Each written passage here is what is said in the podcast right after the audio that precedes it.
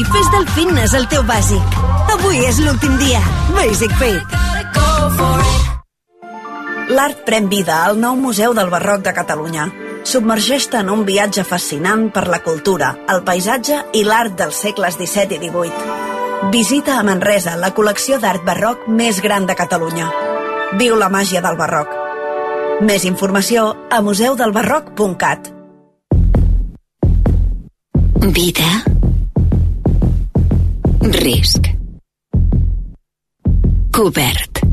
És molt senzill assegurar-se amb el Betia. Simple, clar, el Betia. Torna Fira Passió, un festival cultural i comercial on podràs gaudir de tot tipus d'activitats de cultura popular. Curses de creus, desfilades d'armats, cercaviles temàtiques, divertides microescenes i bons productes de la terra. Des de la Federació Catalana de Passions, t'animem a acompanyar-nos el proper 2 i 3 de març a Esparreguera. Fira Passió. Viu les passions. Hola, sóc l'Alfred Rodríguez Picó i us vull parlar de la humitat. La pluja fa que la humitat afecti greument la vostra casa. Infiltracions, capilaritat, condensació, salitre...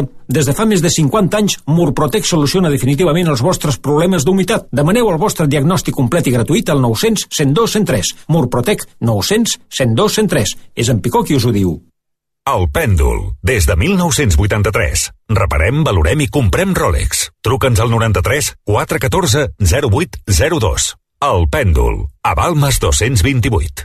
No estic mai feliç. Ploro sense motiu. No em puc concentrar. No puc més. Si t'identifiques amb algun d'aquests sentiments, deixa't ajudar. Un diagnòstic professional de depressió, autisme, toc o estrès a temps permet iniciar el tractament abans que el problema s'agreugi. A Goodman Barcelona som experts en salut mental. Junts trobarem la causa i la millor solució. Truca'ns al 699 29 23 53.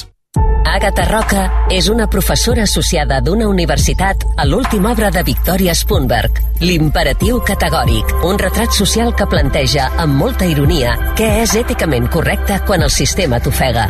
Del 28 de febrer al 24 de març, al Teatre Lliure. No et quedis sense entrades. Són els últims dies de rebaixes a Mobles La Fàbrica.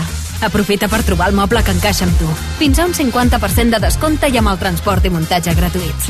Mobles La Fàbrica, el que ens fa únics és ser diferents. Obert al migdia i pàrquing gratis. La història interminable és el musical del que tothom parla. No deixis passar més temps i descobreix aquesta superproducció per a tota la família. T'esperem al Teatre Apolo. Aconsegueix ara les teves entrades a la historiainterminablemusical.com i a teatreapolo.com. RAC 1 Inocente Díez, coordinador del Club de Futbol La Torreta. Primer equip de Lamin Yamal. que este chico, en el mejor Barça que hemos conocido con Xavi, Iniesta y compañía, este es superior a Messi. Primero porque tiene, tiene físicamente más fuerte, es más desbordante desde pequeño, ¿eh? Él cogía, sacaba la pelota desde la portería nuestra y se iba para adelante y se llevaba todo lo que aparecía y se la daba al compañero, marcaba al compañero, o sea, era espectacular. Versió RAC 1. Cada tarda de 3 a 8 amb Toni Clapés. RAC 1. Tots som 1. Renova. Més fàcil. Actualitza. RAC1.cat El portal de notícies de RAC1 Perquè no us perdeu res de res R-A-C-U.C-A-T Participeu, expliqueu-nos el que vulgueu Digueu-hi la vostra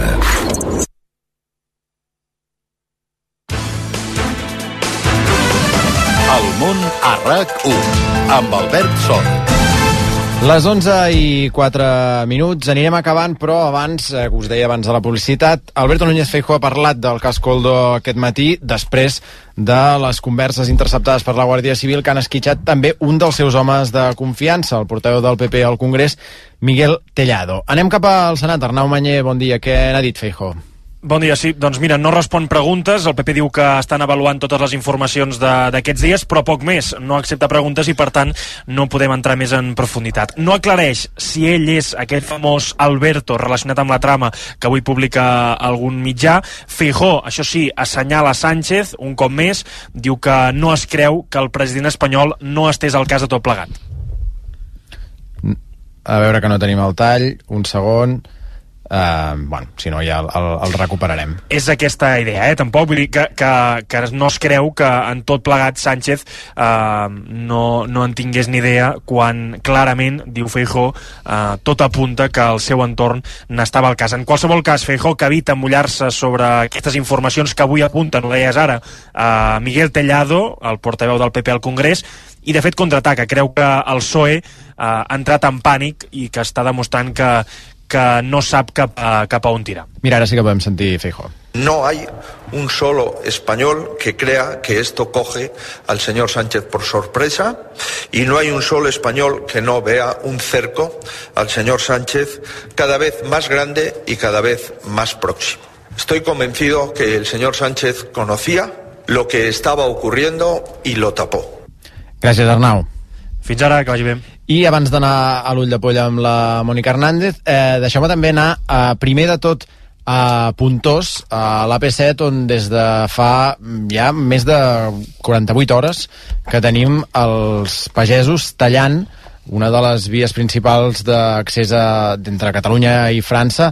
Allà hi tenim la Bàrbara Julba. Bàrbara, no sé si eh, la previsió és que això s'allargui gaire més.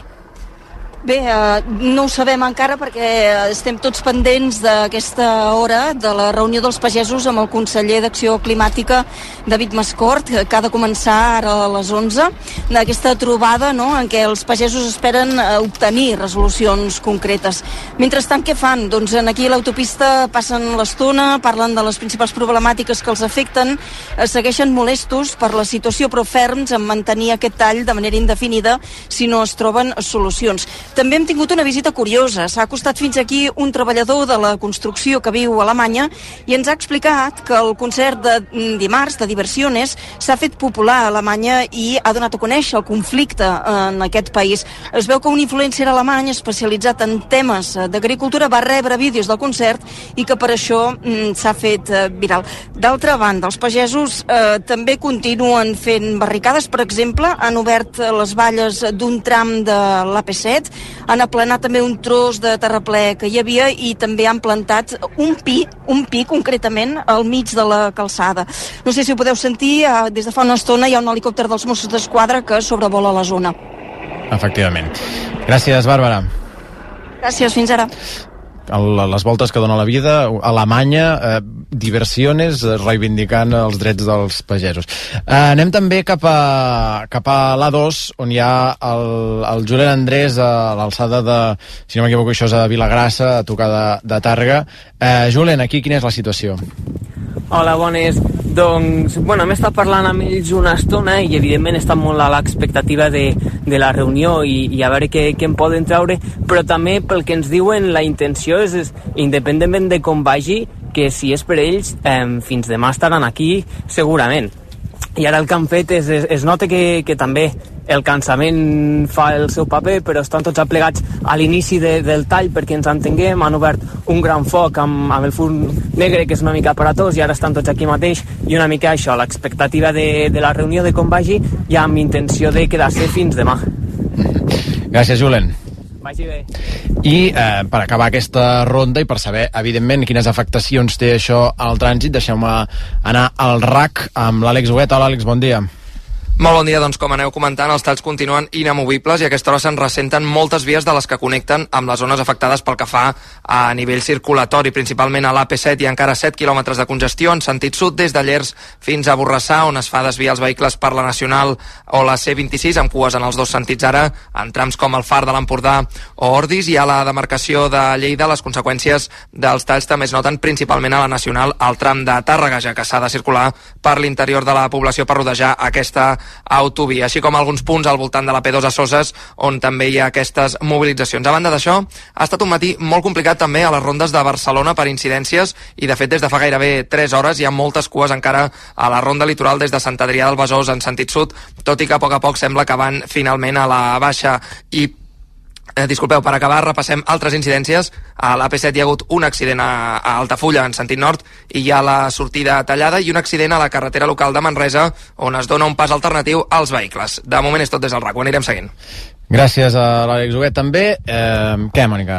Vinga, li foto, Sí? ja? Doncs vinga, pa'lante. Vinga, pa'lante, amb l'ull de poll. Avui que hem convertit en Jordi de Planell en Agatha Christie, total, li traiem la barba, el tenyim d'arròs, i ja ho tenim, perquè ens ha fet aquell qui és qui de tot aquest cas del Coldo Garcia.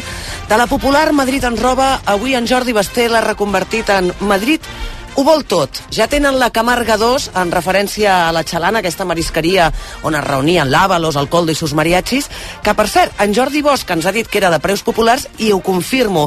He anat buscant a les guies de Madrid i el lema en totes elles és La Xalana, una marisqueria en la que puedes comer por 8 euros. No sé què pots menjar en una marisqueria per 8 euros. Aquí ho deixo. Molt bé, a la pregunta aquesta que fa cada dia el Basté de si eh, havia de deixar o no l'acte de diputats, avui s'ha capgirat el resultat. Hi ha hagut eh, una persona i mitja que ha dit que no i quatre persones i mitja que han dit que sí. A veure, aquests mitjos els ha generat en Pere Mas, que ha dit sí per responsabilitat política, eh, aquí en David ha afegit també per ètica, no perquè hem posat el llistó de transparència massa alt, ha dit en Pere Mas. Molt bé, un altre segon debat. És pur teatre, això, aquesta divisió, aquest divorci entre PSOE i Ábalos? Mm, la Concha ho té claríssim. Teatre i, i del bo, puro, puro, puro. La Neus ha dit que no, que el PSOE el que volia o el que li convenia era que Ábalos es quedés a casa, però que no ho ha aconseguit. I aquí Pablo Iglesias, que ha aparegut d'aquella de manera fulminant, ha dit que Ábalos no s'està dejando matar. Molt bé, també hem descobert dues coses. El Pere Mas té problemes per comprar folis i paper de vàter amb l'Ajuntament de Matadepera. Entenc que els compres per Ràdio Matadepera. Mata de Pere Ràdio. Matadepera Ràdio, disculpa. Eh, una crida a l'alcalde perquè faciliti la burocràcia, sobretot pel paper de vàter, més que pels folis. Altres merders hi ha a Mata Pere. que Sí. Ai, sí, el de la brossa, ja en parlarem un dia, tu. I també hem descobert que en Jaume Roures eh, és un expert en testos de qualitat de mascaretes, perquè avui ens ha explicat, no sabia jo, aquesta història del Roures quan era al capdavant de Mediapro i com va viure la, la pandèmia, déu nhi Per què ha vingut en Jaume Roures? Doncs perquè hem parlat del 50è aniversari de l'assassinat d'en Puig Antic, es commemora dissabte, sis dies d'actes a la Model, amb overbooking, no? Sold out, no, David Fernández? Així és. Sí, molt bé, me n'alegro molt d'aquest èxit rotund d'aquests actes. Per cert, que dissabte TV3, ho ha recordat en Roures, emet eh, Salvador, de nou, De nou, i el divendres i el dissabte hi ha unes altres jornades de l'harmonia, en aquest cas més llibertàries, no? on també recorden la militància de Puigdemont. I també recomanem dimarts al Sense Ficció, eh, que fan aquest Puig Antic, el llibre vermell, un documental que ha dirigit el Xavier San Juan, I... que més descobreixen una neboda que mai ha parlat d'en Puig Antic, que és la filla del germà que vivia a Nova York, i sabrem què és aquest llibre vermell. I que el de Coquet ja es pot mirar, o avui es podrà mirar a l'OTT. Ja es pot mirar des d'aquest matí. Ara jo que volia fer de David anunciant- Broc... és que ho estan anunciant tota l'estona, ho estan aquí a tu la ja tele, veiem- tele normalment. Jo sí, volia fer de David Broc i Pere Mas, és que, és que no em deixes. Molt bé, vinga, la frase final és que som com Romina i Albano, no? Es diuen així? O Pimpinela, O que eren pitjor. aviat, sí. Molt bé, va, calla. Eh, la frase final d'avui és pel David Fernández, Hombre. que diu, David, has de cridar una mica Sí, més, eh? que Que, la no- gent no- m'escriu de... que no s'ha sentit. Ja ho he vist, ara. Ah, també Sí, ho han dit? M'han escrit clar, amics. sí. eh? És tan interessant el que dius que vinga. Home, que sí, jo reprodueixo la teva frase d'avui sobre el cas Ábalos, o Coldo, o com li vulguem dir. Has dit, Ábalos és un animal polític. Al País Valencià et diran que és un pàncer que ha arruïnat la vida de moltes famílies. Yo faré un homenaje a Pepe Rubianes. La opinión es como el culo, todo el mundo tiene uno. Molt bé, ja està. Ah, escolta, moltes gràcies a tots. Eh, res, només una cosa abans d'acabar. Ja tenim eh, els àrbitres del cap de setmana. Que sapigueu que Alejandro Hernández Hernández, el que va perpetrar des del bar l'escàndol del Madrid-Almeria, Vaja. arbitrarà l'Atlètic de Bilbao-Barça i qui serà l'àrbitre del València-Madrid, que recordeu bé, carregadíssim d'expectatives per la tornada de El jutge Vinícius. García Castellón.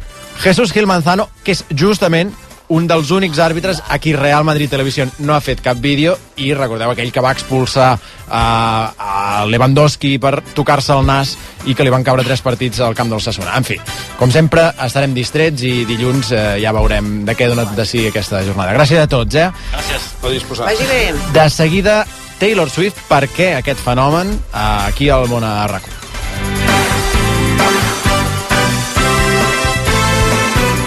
El per què de tot plegat. Banc Sabadell t'ha ofert el per què de tot plegat. Sabadell, necessites un banc? locutar un, an un anunci de ràdio aguantant el tipus mentre un se senyor que no coneixes de res et llança ganivets no és gaire corrent.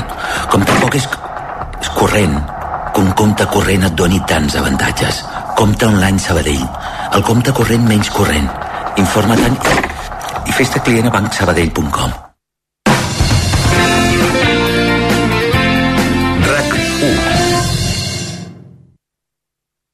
Pensar en gran no és obrir els festius per facturar una mica més.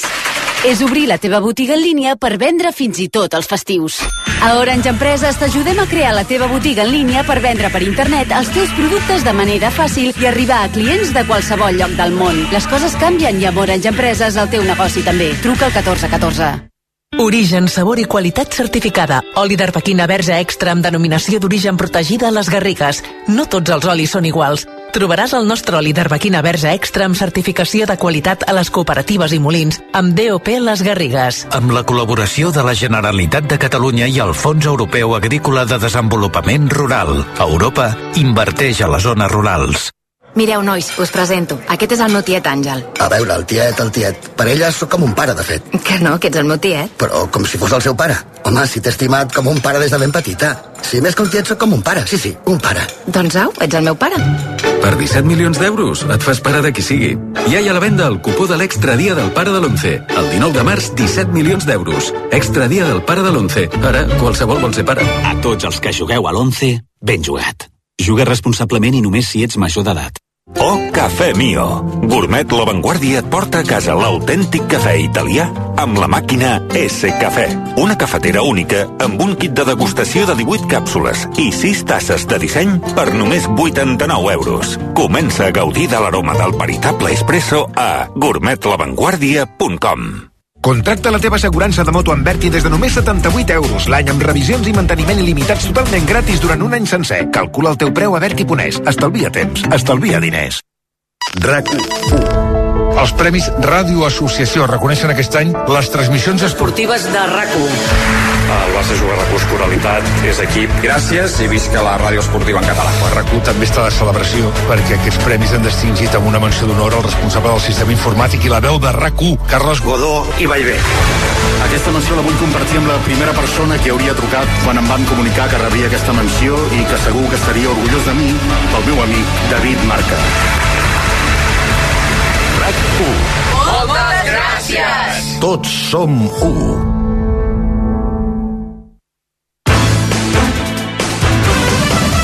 Món a RAC1 amb Albert Sol. Són les 11 i 17 minuts. I say I'm too late. Got nothing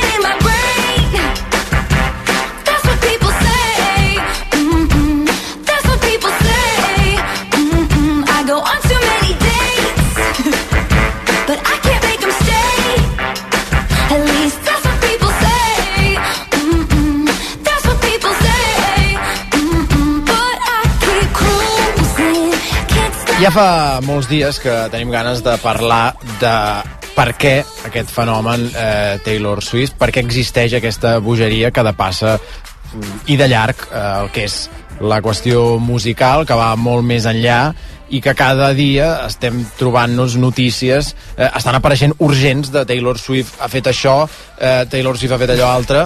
És, és una barbaritat de qüestions que, que realment eh, tenen una, un abast molt més ampli que, que el simplement artístic i per això avui tenim aquí representats eh, diguem, tot el ventall d'angles amb què podem analitzar la figura de la Taylor Swift. Per començar amb el Guille Milky. Hola, Guille. Hola, bon dia. Ho deies amb una mica de escepticisme, això de... No, no, no, no, de veritat. M'inter- M'interessa molt genuïnament perquè com que no sóc...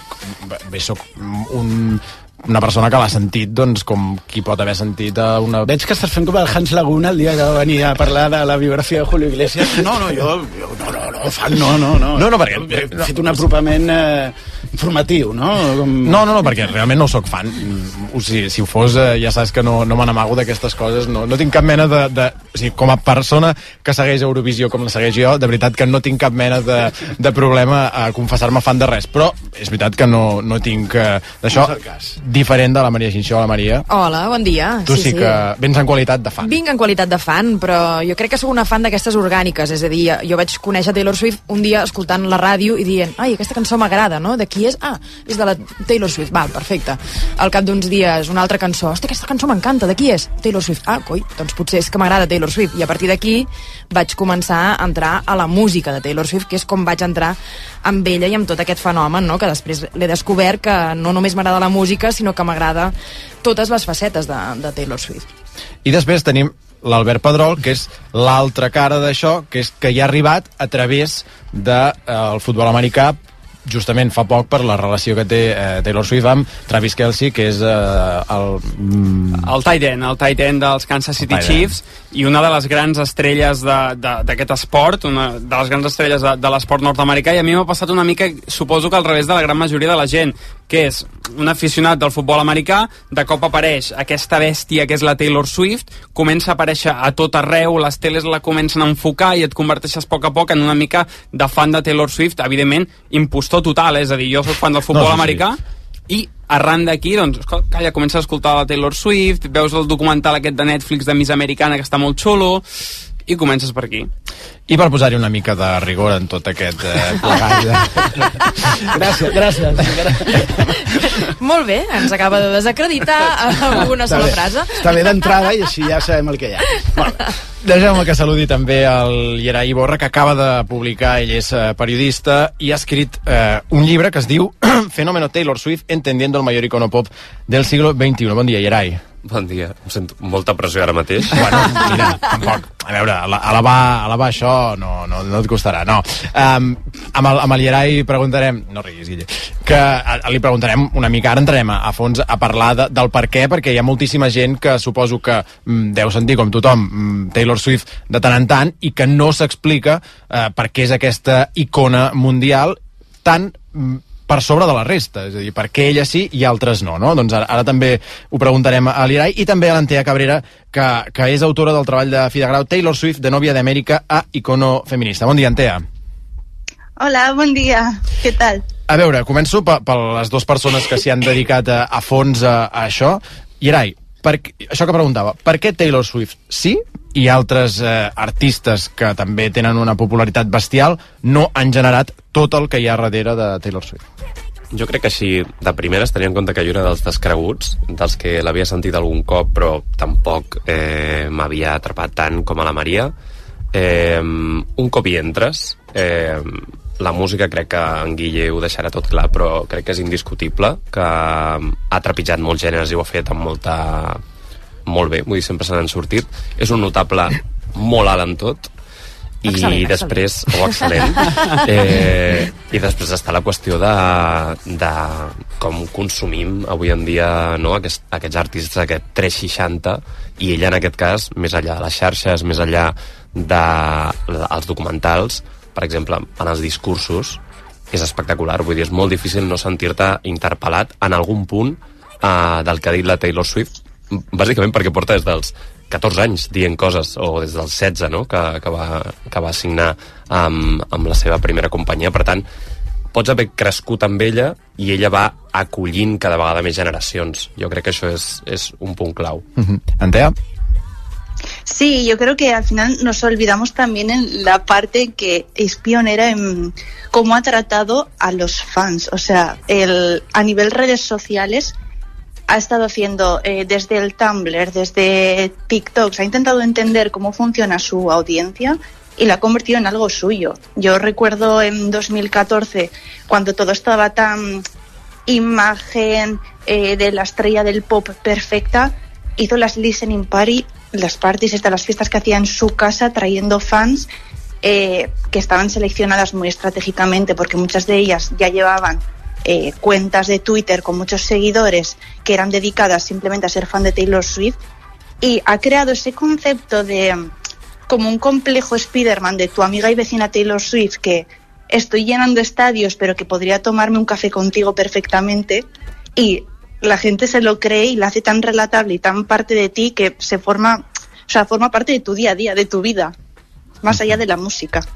Clar, perquè musicalment i, i, i com, a, com a artista um, crec que al- en el, en el teu llibre hi ha un moment que, que, que cites i dius um, és bastant, és dir, bastant bona. És, fa molt bé una cosa, fa molt bé una altra però no és ni la Beyoncé o sigui, tu la veus, és una noia molt alta un punt desgarbada segons com, no té un físic imponent no és, no, no és aquella gent que però té tota una sèrie de qualitats Crec que, que se n'ha sabut riure precisament d'aquest punt desgarbat que, que té i que això és el que la fa eh, més propera a, als fans. O sigui, eh, té un punt d'humor la Taylor Swift que no tenen eh, les altres artistes o les altres divas de, del pop. I això fa que tu t'hi puguis sentir molt més identificada. Ella en aquest moment, és a dir, jo penso que allò que deia no, que és un notable en, en moltes coses no? jo crec que és un excel·lent en moltes coses. Potser en el ball és de les coses en què més li fallava perquè no, no era diguem el seu fort. Però si tu mires com va començar els inicis i el que està fent ara, per exemple, amb The Eras Tour, eh, al·lucines amb com ha evolucionat en el ball. I si eh, ara sentíem el Shake It Off, per exemple, que és un videoclip que està molt bé, que ella surt fent el burro, que se'n riu precisament d'això que és molt alta, que no sap ben bé, ben bé com moure's, no? Eh, això eh, crec que és el que atrapa també, és a dir, òbviament jo no he pogut anar a casa seva a fer una listening party, eh, ni molt menys, i de fet eh, jo la segueixo a Instagram, que és la xarxa social que faig servir més, i a Twitter, i mm, no una persona que estigui bombardejant constantment eh, amb, amb stories ni amb posts, no, publica molt poquet, molt seleccionat. Per tant, eh, això de dir, ostres, és que fa servir molt bé les xarxes socials, doncs les fa servir però amb un punt molt mesurat, és a dir, publico molt més jo que Taylor Swift a, a Instagram, no? Però en canvi genera aquesta complicitat amb, amb els fans o amb la gent que ens l'escoltem, que crec que altres no les veus com molt més llunyanes. Òbviament, Taylor Swift és molt llunyana, no? És a dir, no la, no la coneixeré mai, no? Però eh, genera aquesta, aquest punt d'humor i de- d'enriure-se'n d'un mateix que crec que els altres no, potser no tenen. Gerai. Sí, tal qual, vull dir, eh, en comptes de generar el seu discurs des de la perfecció, el genera des del defecte, no? I una de les claus durant l'adolescència i tot el, tot el que ell ha treballat en les cançons de l'adolescència és precisament explicar aquest, aquesta cosa que ens ha passat a molts, de jo no era eh, el més eh, coordinado, jo no era el més atractiu del ball, Mhm. sí. I jo crec que això és un dels motius molt grossos pels que ha fet fandom i de fet en el, en el propi llibre jo vaig apropant-me cada vegada més a ella per aquestes imperfeccions, o sigui, per adonar-nos que precisament eh, jo que he viscut, com crec que quasi tots els de la taula, eh, les popstar perfectes a inicis dels 2000 o així, la Taylor Swift eh, ve a dir-me que hi ha un altre model de ser una diva del pop, que és ser una diva del pop amb defectes, Mhm. com, com tenim tots. hi ha un element extra eh, afegint la part musical a, a aquest discurs perquè jo penso que ella sí que una mica és el és tot allò que no assumim de les estrelles del pop així d'entrada, no? Assumim que no tenen discurs, assumim que són frívols, que són distants, assumim que fan una mica música de merda que pugui vendre i a veure quin és l'últim productor que, que està una mica a l'última per, no? per, per, per pujar-m'hi i llavors no és així. Vull dir, ella no és que sigui excepcional, és com qualsevol de nosaltres, però no repre... o sigui, al final no acaba fent allò que la gent pensava que esperava de les, de les estrelles, no? I a nivell musical és interessant perquè ella des, de, des del principi de tot, des dels, des dels 14 anys, en les seves primeres decisions en una nena, eh, ja aporta aquest, aquest, aquesta, aquesta personalitat, no? Escollint el productor en contra del segell, escollint el segell indi en, no? en contra de les ofertes que tenien els segells multinacionals. Llavors, aquesta manera de fer, que és normal, vull dir, que és la que faríem qualsevol de nosaltres, com que no és la que tu esperes d'una estrella, és la que al final, com que ho ha fet tan bé i està tan perseverant, acaba funcionant, no? Perquè dius, bueno, és, és aquesta empatia que al final triomfa.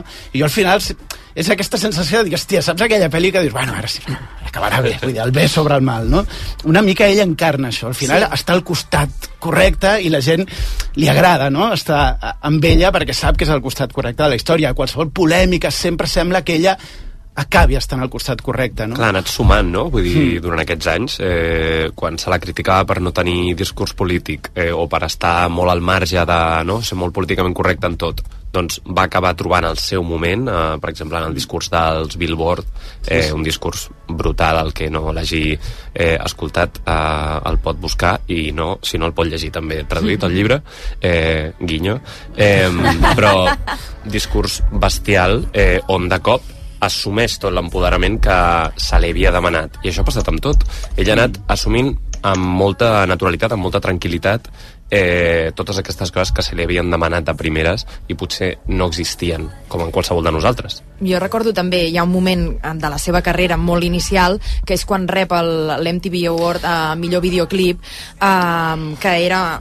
O sigui, us heu d'imaginar, eh? Taylor Swift, 19 anys, eh, o sigui, una, una nena, eh, en un món d'homes, sobretot, no?, que guanya aquest premi per al videoclip de, de You Belong With Me, que també representa una mica això, eh?, de, de jo sóc la nena que no, que no et fixaràs, però en canvi eh, sóc la persona bona, no?, i, i, i has d'acabar amb mi, no?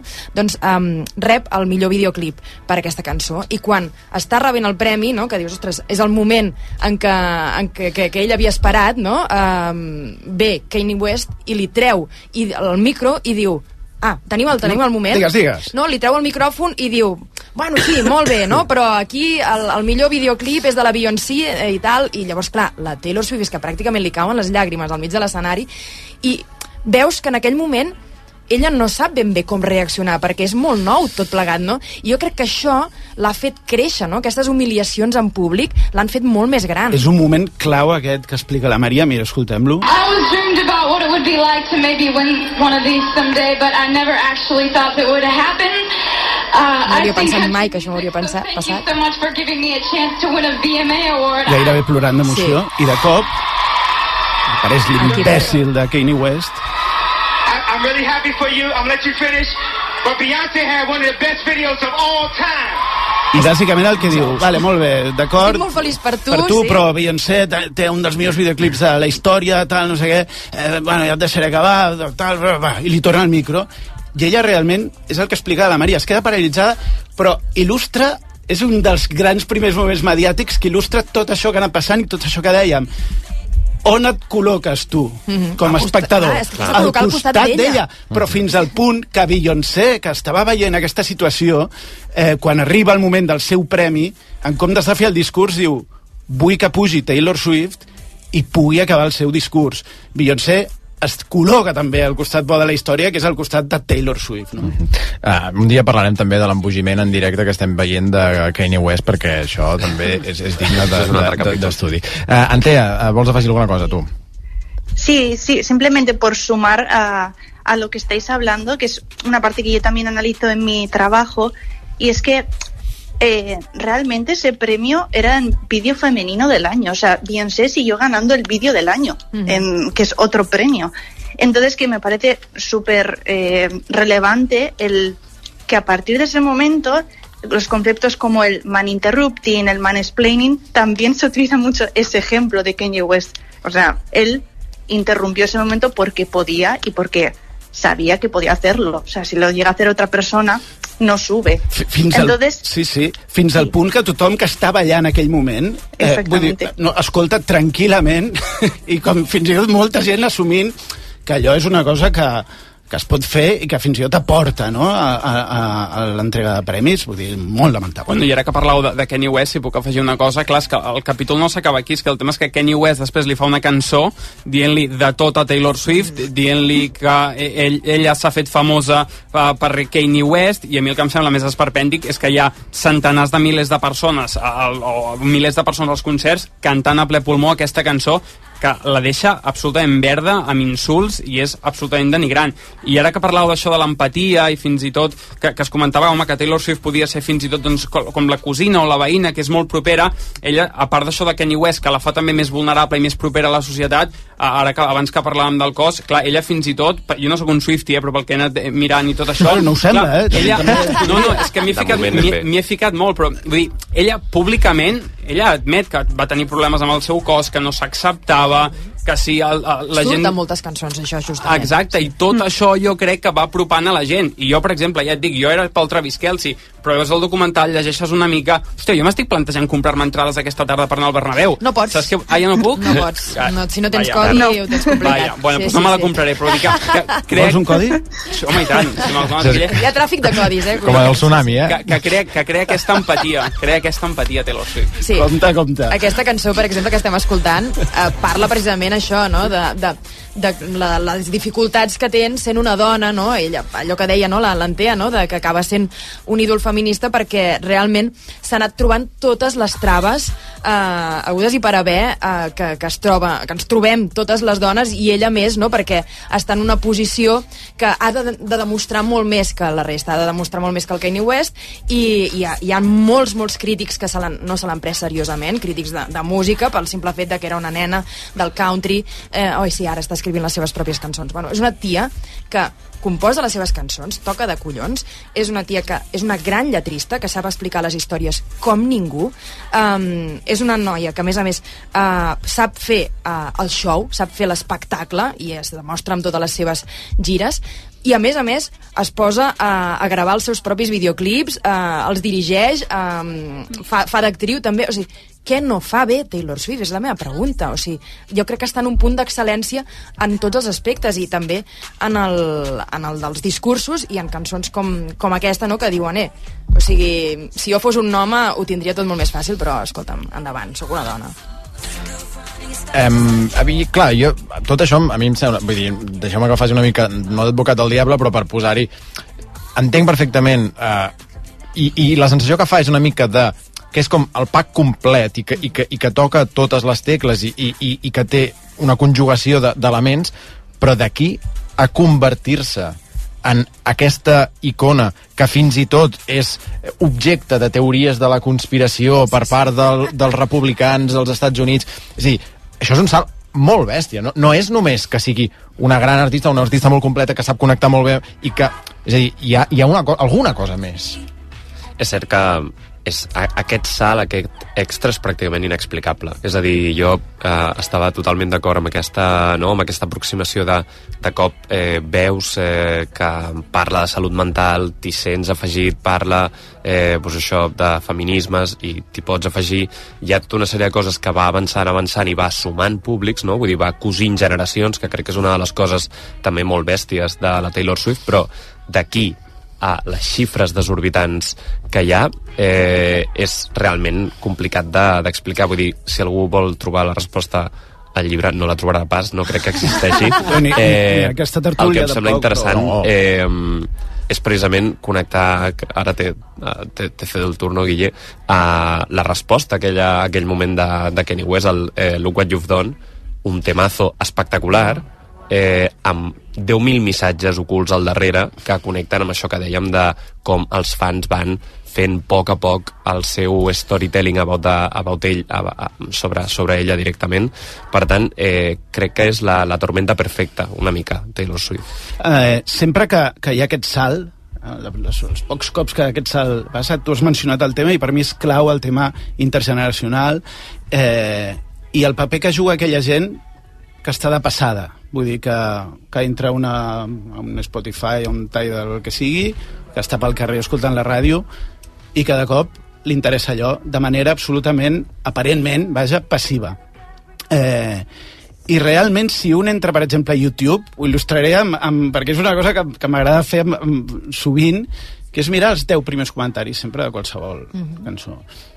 Pràcticament totes les cançons dels últims 3, no, 4 àlbums de, de Taylor Swift, dels 10 n'hi ha 6 o 7, gairebé en totes les cançons, en tots els vídeos, que és de gent de més de 60 anys, eh, que diu bueno, jo, no, jo fins ara no m'havia interessat gent d'això tal, hòstia, però he de dir que, que em fascina aquesta música, em fascina aquest àlbum, em fascina tal. Fins al punt que molts vídeos de, de Taylor Swift se'n fa broma. Vull dir que hi ha gent que de manera irònica diu bueno, jo tinc 183 anys i, no, en, en diversos d'ells. Llavors, aquest paper, diguem-ne, de ser total, diguem-ne, vull dir que, que el teu avi tu li poses un disc de Taylor Swift i digui, hòstia, això m'encanta, això em recorda a la música de la meva època, Taylor Swift?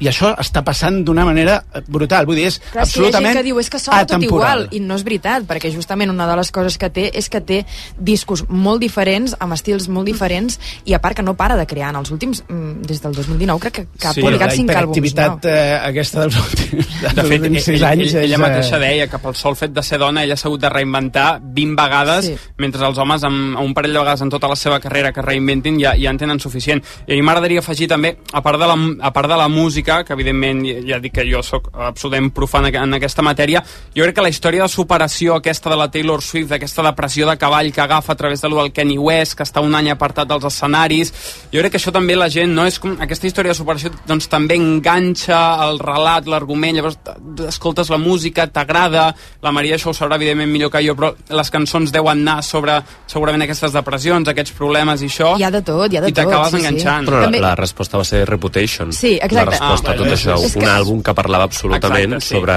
ara sóc jo qui dirà què és la reputació, no m'ho ha de dir aquest home, aquest senyor todopoderoso de la indústria. I a mi amb Reputation em va passar una cosa, que és quan, um, quan va sortir l'àlbum, uh, vaig pensar, ui, que fosc, ui, quina... No, no sembla Taylor Swift, vaig pensar, mm, no m'agrada massa. I des de fa cosa d'un any l'he recuperat i, i ara mateix, o sigui, és que me les poso en bucle, perquè a més a més és això, els missatges que diu eh, són, són boníssims, no? El, el look what you És- made me do, saps? Vull dir, És que és complicat, a nivell musical és complicat no, diguem-ne, llançar merda als àlbums de Taylor Swift. O sigui, encara que no, no t'agradi especialment, és impossible fer allò que molta gent esperaria fer, no? Dient, això és una... Us escolta... Saps allò que passava amb el disc de Zetangana, no? Mm -hmm, sí, sí, hòstia, pensaràs el que vulguis d'aquest personatge. Bé, me la bufa, però és complicat, diguem-ne, escoltar aquest disc i, i, i dir que no... Vull Que dir, no està ben fet. Que no està bé, vull dir que és collonut, no?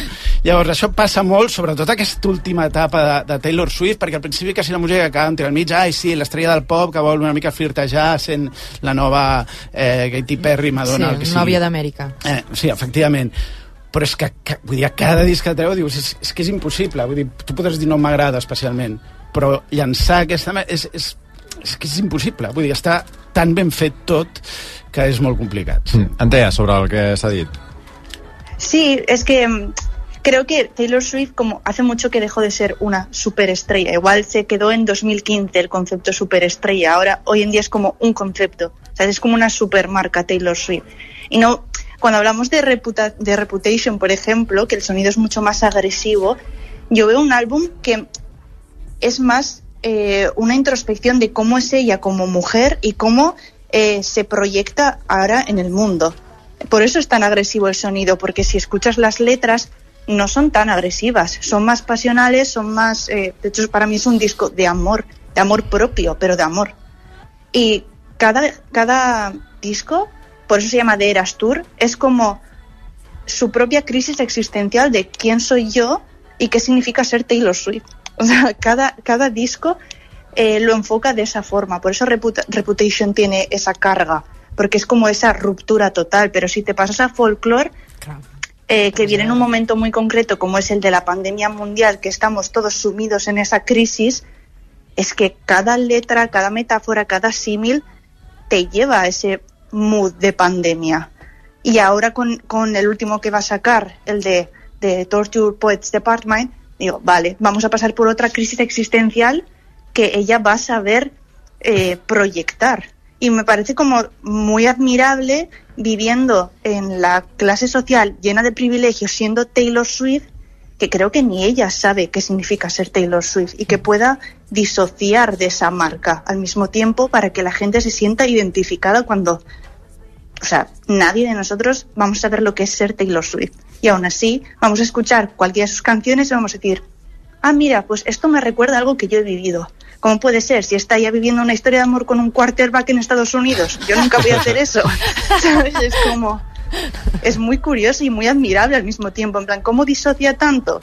Yo creo que es eso, que se despierta, desayuna, café, zumito y crisis existencial. Y con eso se mantiene como eh, tan relatable. Ah, ja, i per acabar, que anirem després a, a la música M'he horroritzat moltes vegades de pensar, mentre escrivia el llibre, de ser Taylor Swift, no? Vull d'aguantar aquesta, aquesta pressió. Sobre el que deia l'Andrea de... Eh, L'Antea. Ah, L'Antea, perdó, eh, d'esmorzar aquest cafè i, i zumitos. Hi ha un 73 Questions al format aquest de Vogue meravellós, on ella obre les portes de casa seva i tota l'estona es manté aquesta tensió entre no saps si tot està preparat o alhora tot és espontani. I crec que aquest és el, el, aquesta és la màgia de, de, de la Taylor Swift, que se l'ha intentat infantilitzar una vegada rere altra, que és una cosa que crec que passa molt sovint amb el que no entenem, no? i és una cosa que el meu pare ho va fer amb mi, eh, suposo que el meu, avi, el meu avi ho va fer amb el meu pare, amb les músiques del meu pare, i mm, la Taylor Swift s'està carregant una mica aquesta idea. Al final l'haurem d'acabar entenent tots, perquè és eh, això, vull dir, s'està convertint en, a, en alguna cosa molt més gran, molt més transversal. Pràcticament tres quarts de dotze. Vaig un segon a la publicitat i després escoltem una mica de música, que molt parlar, molt parlar, però Ara, gairebé ara. no hem sentit res. Ara, ara. RAC 1. Avui a Mendesa tens una oferta formidable. Tria formidable solar i estalvia 1.300 euros en dos anys. A més, instal·la les teves plaques solars des de només 58,97 euros al mes. Contracta-ho ara en un dels punts de servei PSI Soluciones Integrales de Castelldefels o a l'Hospitalet de Llobregat i comença a estalviar. La Villarroel. És aquí, corre, Elin, que començaran sense tu. És que no entenc per què d'anar al teatre a parlar amb uns desconeguts. No sé qui són, ni què volen. Que els coneixes tu, potser? Ets massa confiat, Geljarn. Ah, hòstia, Elin, el teu nom surt al cartell. Ho has de fer. Està bé, una vegada més em sacrificaré, però tu ho hauràs de fer amb mi. Que sempre guanyes. Perquè tinc raó. David Verdaguer és Elling, una comèdia dirigida per Pau Carrió sobre perdedors que aprenen a guanyar sense el permís de ningú. Elling, a la Villarroel. Compra les teves entrades a la villarroel.cat i a promentrada.com. I jo que em pensava que la meva vida sexual s'havia acabat. I doncs? Doncs que he anat a la Clínica Masculina Europea i m'han ajudat a recuperar la meva activitat sexual. Clínica Masculina Europea. Especialitzats en disfuncions sexuals masculines. 902 21 75 75. La salut sexual en la seva forma més natural. Clínica-migmasculina.com Comença el dia amb molta energia a Basic Fit, a casa o al gimnàs de la cantonada. Apunta-t'hi ara. Gaudeix de 4 setmanes extra i emporta't una motxilla. Senta't bé i fes del fitness el teu bàsic. Avui és l'últim dia. Basic Fit. Si tens un principi de vista cansada o cataractes, a l'Institut Oftalmològic Tres Torres et donem la solució amb l'última tecnologia, el làser Catalis. Ràpid, segur i còmode. No t'ho pensis més. Vine i demana la primera visita informativa. Truca al 900 842 848 o entra a iott.net. Té bitllets, monedes d'or, de plata, segells o llibres antics? Del 27 al 29 de febrer, Soler i Llach organitzarà unes jornades de valoració gratuïtes al carrer Beethoven número 13 de Barcelona. Si desitja valorar o vendre monedes, segells o llibres antics, no oblidi demanar la seva cita al 93 201 87 33 o a info arroba soleillach.com. Naturalment, no vaig trobar la meva felicitat al camp. Les persones m'avorrien. Les detestava. La naturalesa m'avorria. Oh, vull dir, la detestava. De cop vaig començar a odiar les persones i la naturalesa. Es poden odiar les persones i la naturalesa, però alhora estimar la humanitat. Vine a conèixer el Thomas Bernhard, més sorneguer i clarivident amb Pep Tossar i Imma Colomer. Amb la claredat augmenta el fred. Al Teatre Romea a partir del 2 de març. Entrades a teatreromea.cat i promentrada.com. Hola, sou l'Alfred Rodríguez Picó i us vull parlar de la humitat. La pluja fa que la humitat afecti greument la vostra casa. Infiltracions, capilaritat, condensació, salitre... Des de fa més de 50 anys, Murprotec soluciona definitivament els vostres problemes d'humitat. Demaneu el vostre diagnòstic complet i gratuït al 900 102 103. Murprotec 900 102 103. És en Picó qui us ho diu. RAC 1.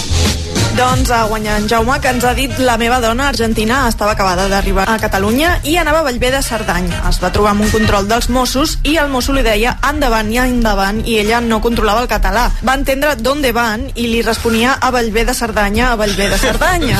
I els Mossos endavant i la meva dona a Vallvé de Cerdanya una i altra vegada. A més, encara no tenia papers i volia quedar bé amb la policia. Molt bo l'acudit, és increïble. O sigui, Però quin, quin acudit? que va trobar un mosso que parlava català. De dilluns a divendres, de 12 a 1, La Competència, amb Òscar Andreu i Òscar Dalmau. RAC 1. Tots som 1. RAC 1. El món a RAC1 amb Albert Sol. 11 i 48. Vinga, Guille. No, mira, sí, bueno, ho farem ràpid, però ho farem. Bé, ho farem bé. Home. Bueno, a tot, eh, recordem que Taylor Swift neix un 13 de desembre del 89 i els seus pares decideixen anom- anomenar-la Taylor per aquest senyor. You just call up my name, and you know wherever I am. James Taylor eh, no és un fet menor, perquè de fet ja, des del moment que neix, hi ha un element que és la resposta a tota aquesta gent que serà incrèdula al llarg de la teva vida que, que tu li diràs, no, perdona, vull dir, jo em dic així pel teu disc preferit, no? Vull dir, què, este, què m'estàs explicant? Eh, la influència del folk i country és present des del seu naixement, doncs, el cantant preferit de, de Swift durant la seva adolescència és aquest altre senyor. When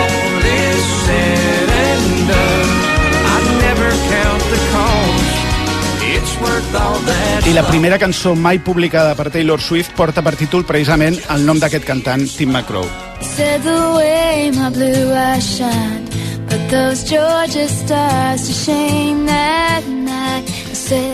La. Taylor Swift, de 16 anys, deixava clar el seu talent ja a les primeres de canvi amb aquesta cançó de- d'aires country, però amb aquest color de veu tan cristal·linament pop, jo diria, eh, que és el secret, diguem-ne, dels, primers, dels seus primers àlbums, no? que és, es fica de ple en un món com el country, vull dir que és allò, l'arrel i aquella cosa, però des d'una no? des, des d'un Des d'un espai prisma pop. clar, cada cop l'obre a, a tothom, no? sobretot a, a nivell generacional, a, a contemporànies seves. Tot el disc està farcit de cançons que funcionen a tots els nivells, més enllà de la seva estètica inequívocament country. By the way, I hate that Les cançons del primer disc de, de Swift les va començar a escriure als 14 anys. Als 15 signa el seu contracte amb Big Machine Records. Probablement no sabia que acabaria sent el contracte més polèmic de la història de la música pop contemporània i als 16 publica aquest primer àlbum. El contracte el signa per 13 anys, vull dir que als 15 anys signar un contracte eh, per un temps que és la teva vida, no? fins al moment, eh, i en aquest període publica 6 àlbums. lucky L'àlbum arriba al número 5 del Billboard i va, i va romandre 63 setmanes, eh, que és la més llarga de qualsevol àlbum de, de la dècada. Resulta un àlbum de temàtica purament teenager, eh, però decididament sòlid, que rep bones crítiques per tot arreu, perquè és el que dèiem, no? ja aquest primer àlbum és, és impossible, diguem-ne, criticar-lo. Vull dir, és, és una narració adolescent des d'un de, des format country tot super ben fet. Eh, ella decideix signar, dèiem abans, eh, un contracte amb un segell independent, malgrat tenir ofertes de segells multinacionals, i a més a més convenç a tota aquesta cúpula d'aquest segell eh, que tenia no, els grans productors ja preparats. Nosaltres treballem amb grans productors de country, com, com el cas... I ella, no, no, jo vull treballar amb la persona amb la que he estat treballant aquestes demos, perquè vull un disc que sigui pràcticament com, com I les demos. recordem i... que no signa perquè vol signar les seves cançons. Total, totalment. Sí, que això, que això a més tindria repercussió reper, repercussió després de molts anys, com, com explicarem al final. Totalment. Eh, dos anys després, el 2008, arriba el seu segon àlbum de títol, com sempre, inspirador, Fearless, sense por.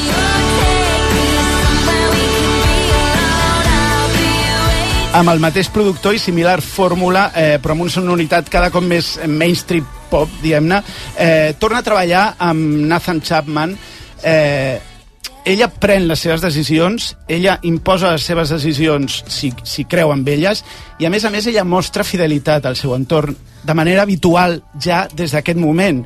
És difícil ser fidel, tan fidel sent adolescent, no? Vull dir, un es lleva un dia i, i pensa una cosa completament diferent al dia anterior. Ella és molt sorprenent, això, no? Com és conseqüent no? aquesta honestedat i aquesta fidelitat que la manté al llarg de tota la seva carrera fins, a, fins avui dia. La gira d'aquest segon àlbum aconsegueix esgotar entrades en hores a totes les ciutats, com està passant avui dia després de no sé quants anys, i la crítica es desfan elogis per l'escenografia dissenyada també per la mateixa Swift, ja no ara, sinó t'estem parlant de, de quan ella tenia 18-19 anys.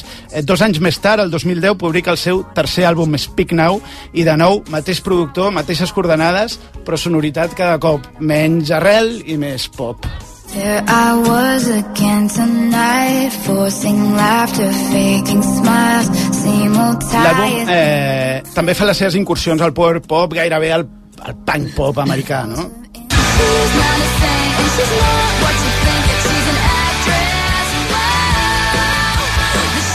L'àlbum de, debut al número 1 de la Billboard durant tots aquests anys, eh, aquest àlbum, aquest tercer, ha venut eh, l'equivalent a 20 milions de còpies. L'any següent passa tot l'incident aquest de la, de la MTV que dèiem, eh, i el 2012 arriba Red. ever getting Que realment és el, és el gran salt, diguem-ne, a dir, d'acord, ja he fet tot el que volia fer en, en aquest món dels meus pares i salto en el, en el que m'hauria de representar realment, no? que, és el, que és el món pop teenager, o és una mica... Vull fer el primer disc, però des d'aquest format no? i des d'aquesta estètica purament pop.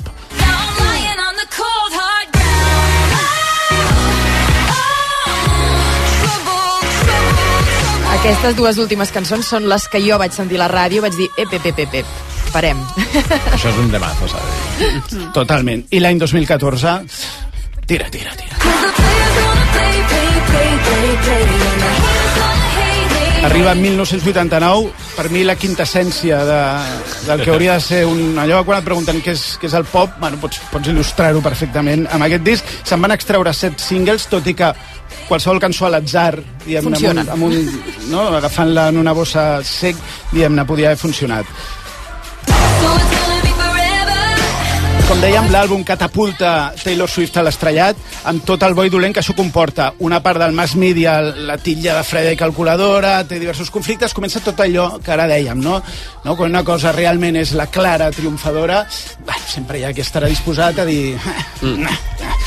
I, I llavors, de tot això, ella passa aquesta època de la que parlàveu i treu aquest extraordinaríssim eh, Reputation. I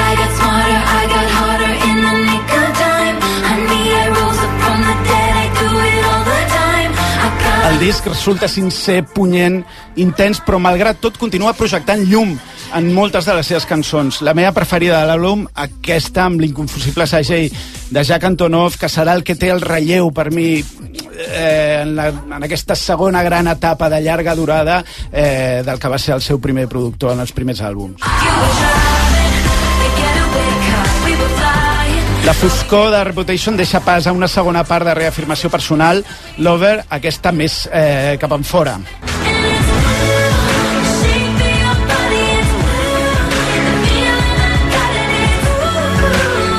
Deixem-me posar un, un bocinet de la, de la cançó Cobra, Cobra el disc. I forgot that you existed. És la més meravellosa. Total. És la meva preferida i és, és una és una cançó petitona És un detall. és, és un detallet que decideix cobrir el disc i que explica una cosa molt senzilla, perquè abans dèieu, no, no, no és realment un disc, no, no, no té aqu aquella retòrica, aquella mena de, de figures eh, no poètiques, no, ella és capaç d'explicar les coses, allò que diu el Basté de vegades del Gavaldà, no? i gent així que, que amb, amb, amb tres acords i, i les paraules ben posades fa una cosa que, que, no? que sobrepassa tot el que, que, que podries esperar, no? d'allò, I Forgot és una, és una meravella. És diu, bueno, simplement ni t'estimo ni t'ho diu, simplement m'he oblidat I que existeixes i se sent sí. magnífic, no? Eh, seguim, seguim.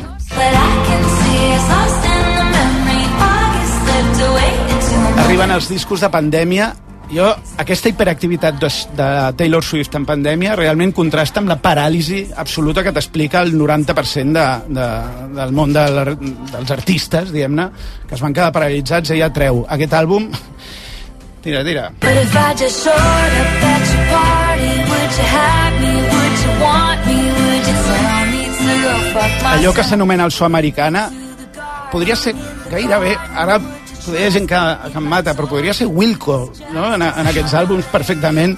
Eh, és molt difícil dir que això és una merda. Vull dir, és, és extraordinari, em pot no agradar l'estil, més, és el so del moment, no? Vull dir, és el és- moment en què surt Big Red Machine, eh, és el Total. so del moment. Totalment. You booked the night train for a reason. Bueno, com que queda poc temps, deixeu-me simplement explicar la polèmica dels màsters, que també il·lustra molt ràpidament, que il·lustra superbé eh, això de canviar la història, no? que diu, bueno, jo, això sempre s'ha fet així, però jo ho faré d'una altra manera. Tu quan eh, mm, eh, fas un contracte amb un segell, el segell, diguem-ne, qui ha pagat aquella gravació, automàticament, segons els contractes habituals, és el, Propietari. la, és el propietari dels màsters, diguem-ne, d'aquella gravació, no? I per tant, diguem-ne, s'endú tot el rèdit. Big Machine Records fa gairebé el 90% de, dels seus ingressos per Taylor Swift. Diguem-ne, poder aquí ja haurien d'haver vist que potser mm, haurien de canviar una mica no? la, la, els, els, els termes del contracte. Ella decideix regravar els màsters, que és una cosa que s'ha fet molt de temps, eh, molt, molts anys a la història de la música, eh, i sempre fatal, no? És allò que la nova ah, no sona igual. Ho ha fet tan, tan bé, d'una manera tan increïble, que, escolteu, aquesta és l'original, per exemple.